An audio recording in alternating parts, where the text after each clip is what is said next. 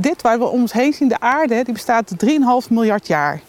Ja, alles wat hier nu om ons heen zien van de natuur en ook van ons eigen lichaam, hè, ons eigen mens zijn, ons eigen fabriekje, dat heeft zich zo geëvolueerd omdat dat werkt hier op aarde.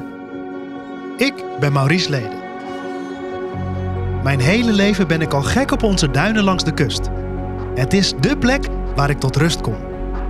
Maar nooit dacht ik aan de wereld onder die duinen. Tot nu. In deze podcast duik ik in die verborgen wereld van water en natuur. En dat doe ik samen met de experts.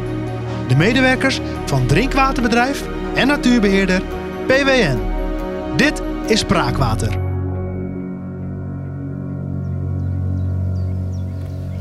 Hier en daar wat witte wolken.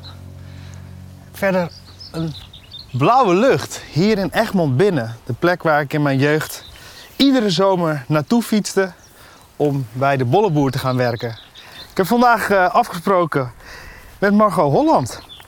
Zij houdt zich bezig met het beheer van de Kennemerduinen. En zij is ervan overtuigd dat ze de leukste baan op de wereld heeft. Want inspiratie halen uit de natuur, ja, dat is haar grote passie.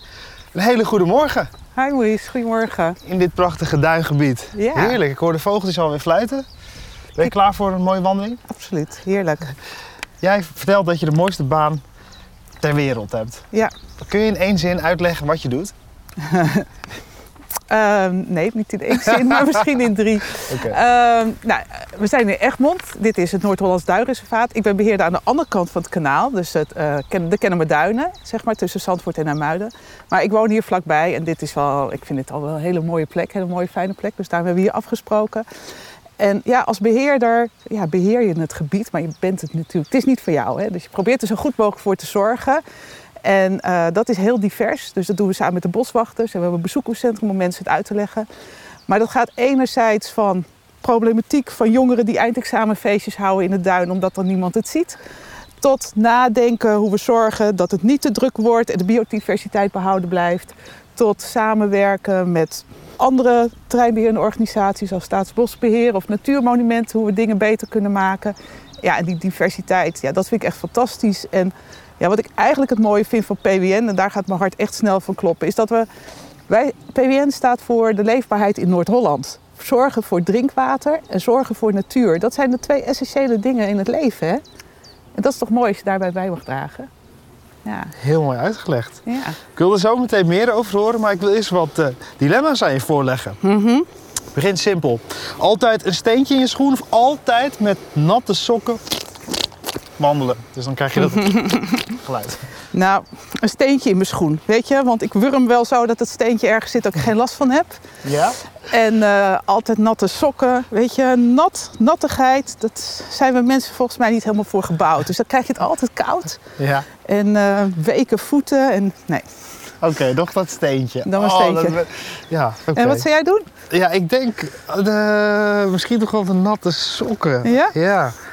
Want het komt wel vaak voor dat ik dan ga wandelen en dan loop je even door een plas en dan is het ook wel weer lekker. Dan denk je, oh ja, nou, ja, maar fijn. altijd hè? Ja. Maar het steentje, dat kan, daar kan ik zo slecht tegen. Nou goed, volgende dilemma. Zou je liever een waterbult als een kameel hebben? Of net zo goed kunnen vissen als een vogel? Ja, een waterbult als een kameel. Ja, Ja. geen aalscholver, zo het water in duiken. En... ja, maar weet je, je kan niet zonder water. Nee. Uh, mensen kan maar, eh, hoe lang kunnen we zonder water? Acht uur, tien uur? ja, en dat is altijd handig om een waterbult aan te hebben. Ja. Vissen, en vissen, ja, is natuurlijk ook fantastisch. Maar ja, we doen de De waterbult. waterbult, ja, dan kun je dus opeens gewoon flink eh, stukken door de woestijn gaan wandelen waarschijnlijk. Ja. Zo'n waterbult. Nou, Fascinerend. dan de lastigste. Je ontwikkelt een extra been of een derde arm. Wat heb je liever? Ik heb liever een derde arm. Ja? Ja. En wat zou je daar, eh, ja, welk voordeel zou dat hebben? Ehm, ja, welke... Ja, dat Met de afwas? Zou dat Nee. je meteen afdrogen? Nee, maar ik zeg altijd, eh, ik gebruik wel een beetje metafoor, weet je, dat in de dingen die we doen, die zijn zo divers. En we moeten met z'n allen 20 ballen in de lucht houden, misschien wel 100 ballen. Dus overal gebeurt er wat. Nou, dan is gewoon een extra arm wel handig. Ja, nou oké, ja. Dus, eh, het ziet er een beetje apart uit, maar Ja, wel, eh, ja, wel handig. Nou vertelde je net dat je de mooiste baan ter wereld hebt. Ja. Hoe ben je aan die baan gekomen? ja het is eigenlijk heel apart. Eigenlijk wel heel apart. Dus eh, ik heb geen achtergrond in natuur. Ik ben een techneut. En PWN die ging in 2017 gingen ze een reorganisatie doorvoeren van het management. En toen zochten ze nieuwe teammanagers. En dat was een heel algemeen profiel. En waar ik zat, eh, zoals, ik zat ik helemaal niet op mijn plek. Dus ik heb daarvoor gesolliciteerd. En ehm, ik, nou ja, ik dacht, ach, weet je, technische achtergrond. Misschien bij drinkwater of... eh, dus ehm, en toen was dat gesprek en toen vroeg ze aan mij... maar zou je het ook leuk vinden om aan de natuurkant te werken? en ik had echt zoiets van... "Ah, ja! Maar ik dacht, nee, rustig blijven. Ja, dat zou ik wel willen. Nou ja, zo ben ik hier beland. Ik had, dacht echt nooit dat dat zou kunnen. En ja, het, is echt, het was echt gewoon een soort droom. Ja? Ja. En, en wat maakt dan ja, dat je daar zo ontzettend blij mee bent? Nou, weet je, sowieso mensen die met natuur bezig zijn. Ehm, natuur is anders. Dit heeft een ander ritme. En de natuur heeft zijn eigen ritme. Hè? In de zomer, ook het werk is in de zomer anders dan in de winter, of in de herfst als in het voorjaar. Ik kwam uit eh, technische consultancy, waar je industriële projecten doet. Deadlines, moet klaar, moet klaar, moet klaar, weet je. Allemaal mijn boetes erop. En eh, dan kom je hier, hadden we een probleem met een trap, weet ik nog. Die trap moest eigenlijk voor het broedseizoen komen. Dus ik, oh, gaan we dat doen? Ik die leverancier bellen. We een boswacht die zei, dan doen we het toch na het broedseizoen. Want ja, die boom die groeit ook, duurt ook 70 jaar voordat die groeit. Toen dacht ik, wow, wat, wat fantastisch. Ja, wat Ja, ja. En eh, we doen nog steeds heel erg veel. Dus het is niet van eh doe ze man, doe ze man. Maar het is ja, gewoon heel anders daardoor. En dat, je staat dichter bij de natuur. Je- ja, weet je, wij zijn natuur hè, als mens. Wij vinden dat we, je hebt de natuur en de mens. Maar het is niet zo, wij zijn natuur. We hebben de verbinding daar eigenlijk heel erg mee verloren. Ja, en die verbinding had je dus ook helemaal niet meer in je vorige werking. Nee. Ja. En nu Nee. ben je eigenlijk weer terug naar, eh, naar waar we horen eigenlijk. Ja, weet je wel. Straks wil ik nog meer met je praten over de natuur. Ja. Maar ik wil eerst naar een spelletje. Ik heb me namelijk verdiept in de wereld van natuur en water. Water was voor mij vanzelfsprekend. Maar het komt in zoveel soorten en vormen. Soms herkenbaar, soms helemaal niet. Ik laat je een geluid horen. Aan jou de vraag: wat is het?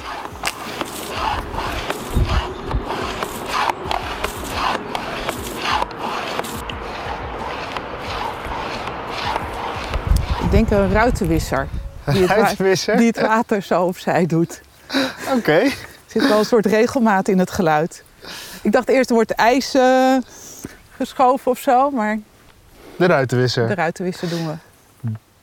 Denk jij ook dat het een ruitenwisser is? Of misschien heel iets anders? Ga voor het juiste antwoord naar de social media kanalen van PWN.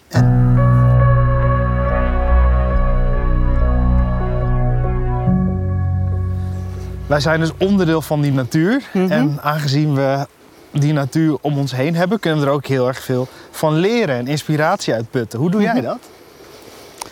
Ja, door ook eh, soms met verwondering te kijken over wat het is en eh, hoe het werkt. Weet je, de natuur, dit waar we om ons heen zien, de aarde, die bestaat 3,5 miljard jaar.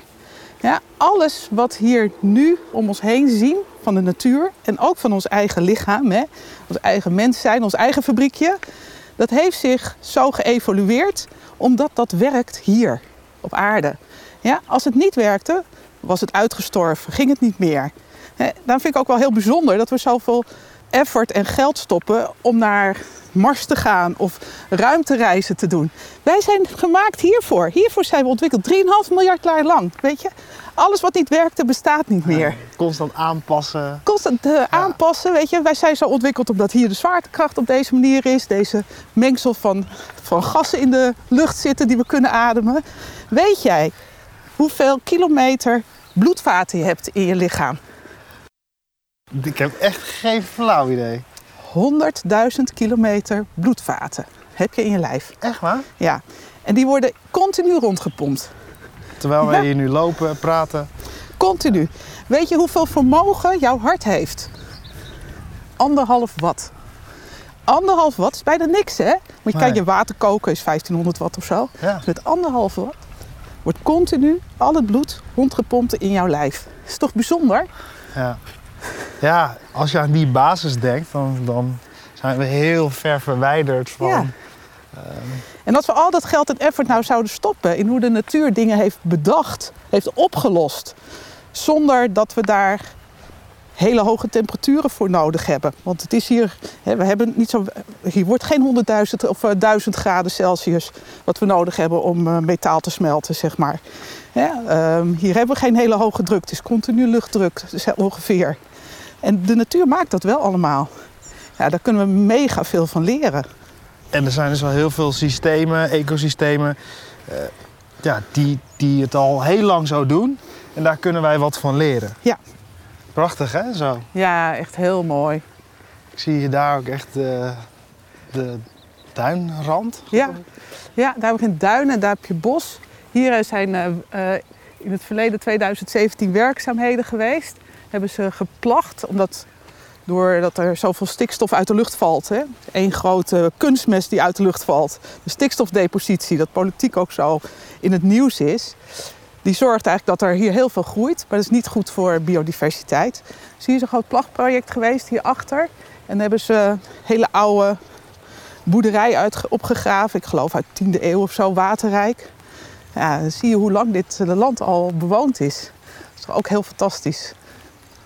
Ja, te gek dat wij daar nu zo rondlopen. Ja, mooi hè? En inderdaad, bos, duin Ja. en dat mooie zanderige pad waar wij nu overheen lopen. Ja, als je zo om je heen kijkt, dan zijn er planten, dieren, zelfs hele ecosystemen die dingen doen die mensen niet kunnen. Maar Ja. kunnen wij daarvan leren? Ja, we kunnen er zoveel van leren. Wij, kijken eigenlijk alleen maar naar het moment van gebruiken. En dat proberen we zo goed mogelijk te doen. Als je kijkt naar een auto, om een auto te maken, wat, wat weegt een auto? 1000 kilo of zo. We hebben 15.000 kilo grondstoffen nodig om een auto van 1000 kilo te maken. Dus 14 dus 14.000 kilo afval produceren we daarbij. Ja. Ja, dat is toch wel.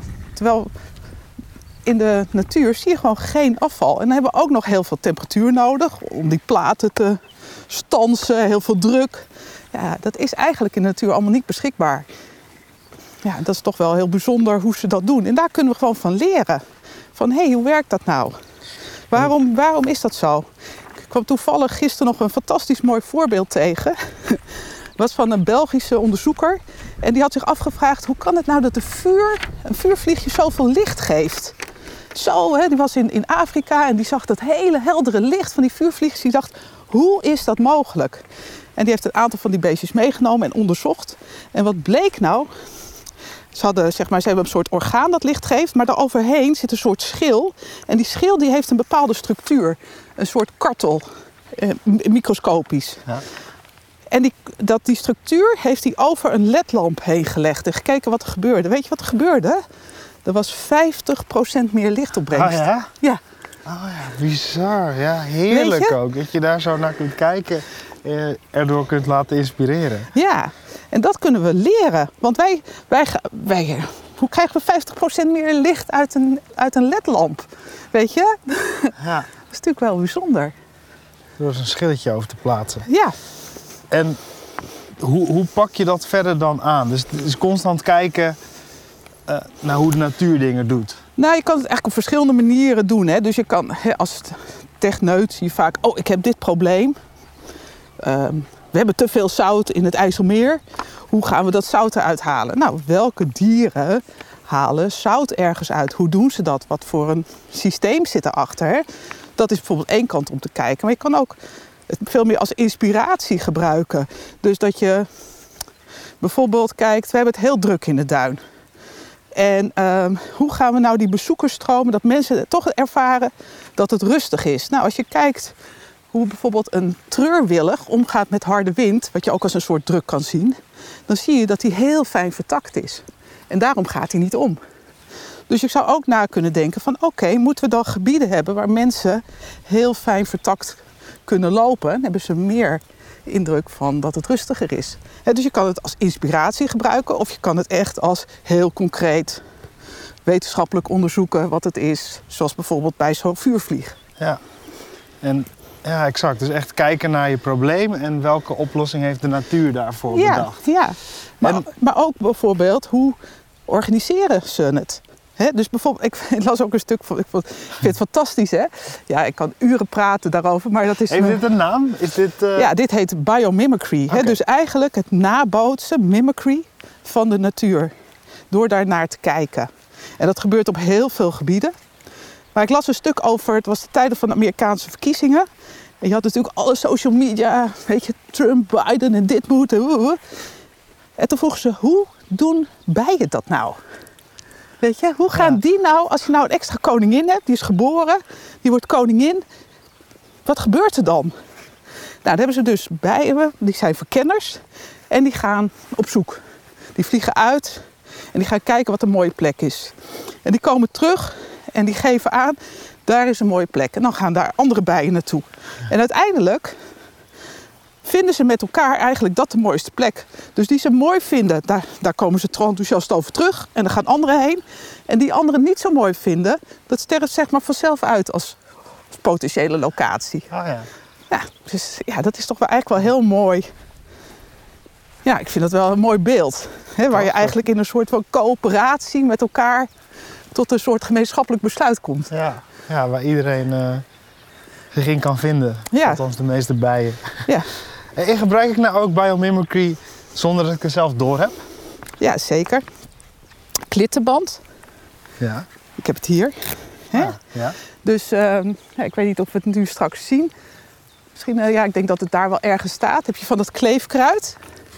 En die kleefkruid heeft van die bolletjes, zaadjes. En die kleven ook ergens aan. Dat is eigenlijk het principe van klittenband wat daar gebruikt is. Ah, ja. En dat is ook echt op die manier zo Ja, ontwikkeld. ja. Maar ook bijvoorbeeld, eh, wat heel veel wordt toegepast, is in de vloeren van ziekenhuizen. Daar eh, nou, is natuurlijk ziekenhuizen is altijd, eh, moet zo steriel mogelijk zijn. Het is altijd heel veel gereinigd. En ze zijn erachter gekomen dat de structuur van de huid van een haai... die is veel minder gevoelig voor bacteriën die erop blijven zitten. En die structuur heeft dus een bedrijf verwerkt in, ehm, ja, zeg maar in de, hoe je die vloer eh, kan bedekken. En daardoor is er dus veel minder reiniging nodig, terwijl het veel schoner blijft. Een ander mooi voorbeeld is, daar zijn ze nu mee bezig, er zijn natuurlijk heel veel windmolens. Maar ehm, de walvis, die kan dus met heel weinig beweging heel diep komen. En op die vinnen heeft hij zeg maar een bepaalde structuur aan het eind, die bobbels. En door die bobbels kan hij met heel weinig weerstand heel ver komen. En ze hebben gemerkt als ze dat ook op de wind, wieken van de windmolen zetten, ja, dat dat eigenlijk veel meer opbrengst heeft. Ah, wat fantastisch. Ik zit echt met open mond naar je te luisteren. Ik ook echt van, jemig, wat ontzettend veel voorbeelden van hoe wij geholpen worden door Ja, de natuur. hierin. Zijn de mensen daar voldoende bewust van? Nee, nou, je, ziet, je ziet wel dat er echt, ehm, ja, dat dit steeds actueler wordt. Meer mensen mee bezig zijn. Wat ik ook wel heel bijzonder vind, en dat is natuurlijk ook wel de filosofie van hoe de natuur werkt, is dat er heel veel informatie en kennis hierover wordt gedeeld. En je hebt een hele leuke website, die heet asknature.org. Amerikaanse eh, organisatie is dat opgezet. En dan kan je eigenlijk een probleem intypen. En dan laat ze eigenlijk zien welke dieren daar of welke systemen daar vanuit de natuur een oplossing voor hebben bedacht. En ja, wat je gewoon ziet is dat dat wel een soort vliegviel langzaam maar zeker aan het worden is. Want het is niet simpel, hè? Het is niet van, oh, ik zie dit, nou dan doen we even dat. Weet je, het, is natuurlijk, het zijn allemaal stapjes die je moet nemen. Er is geen eureka van, oh, en dan is alles opgelost. Nee, oké. Maar het is wel een goede bron van inspiratie. Ja. Wellicht een vertrekpunt. Ja, exact. Asknature.org. Ja.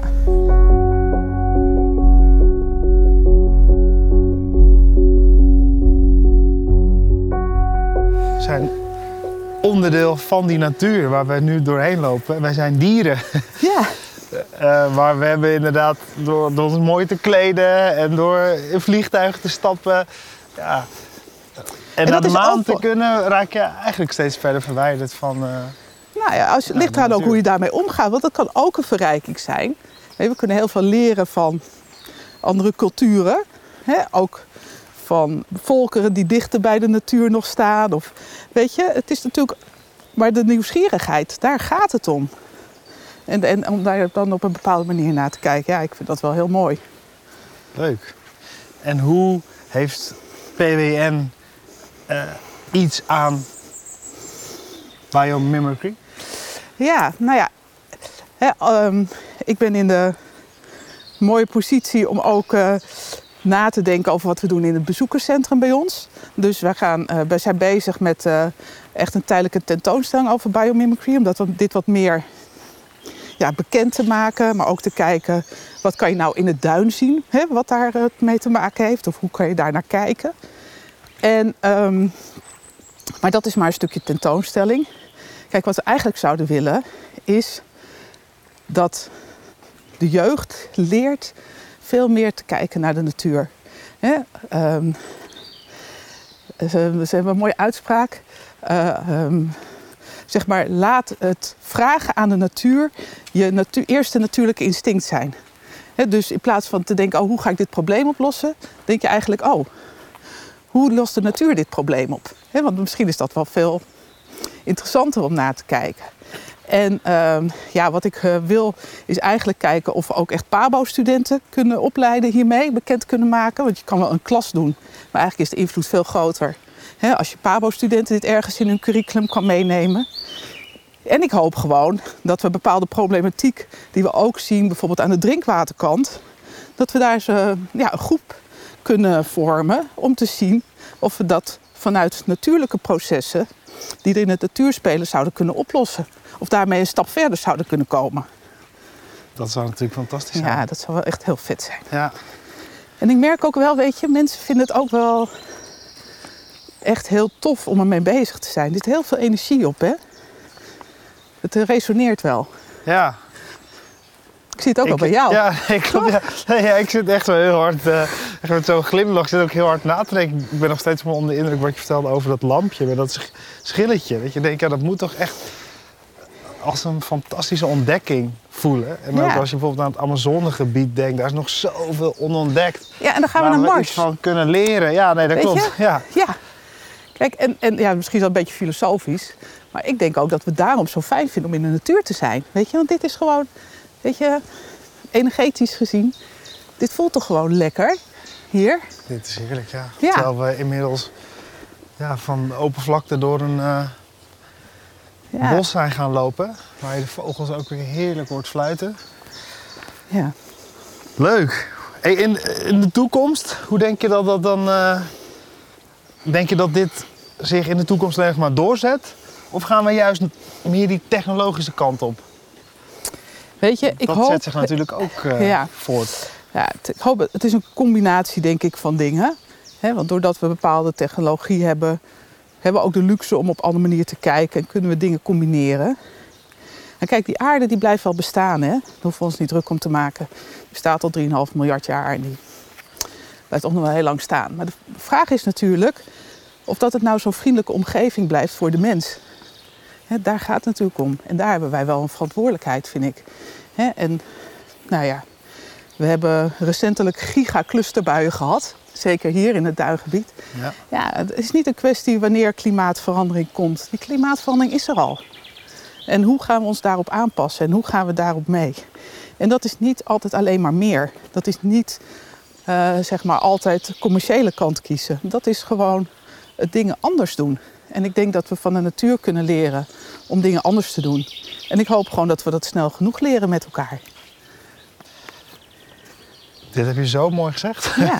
Ik ga daar niks meer aan toevoegen. Want uiteindelijk hè, is eh, heel veel hè, vanuit, nou ja, toen ik jong was kwam het milieu, eh, hè, moest je milieubewust worden. En dat ging altijd over consuminderen, zeiden ze dan mooi. Allemaal dingen die niet meer mochten. Dat willen mensen helemaal niet. Weet je, het gaat om het anders doen. Het gaat erom, op wat voor manier dan ook, om zo groot mogelijke positieve impact te hebben op je, op je omgeving. En of je dat nou doet als mens of met wat je creëert. Of zoals jij doet, met programma's maken.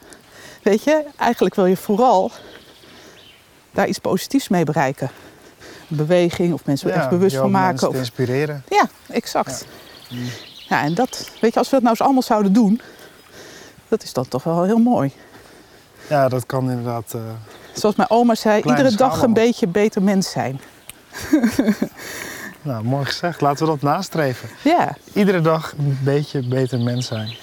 Margot, dankjewel. Ik vond het ontzettend leuk. Ik ga ook als ik eh, thuis ben meteen op asknature.org eh, kijken. Ja.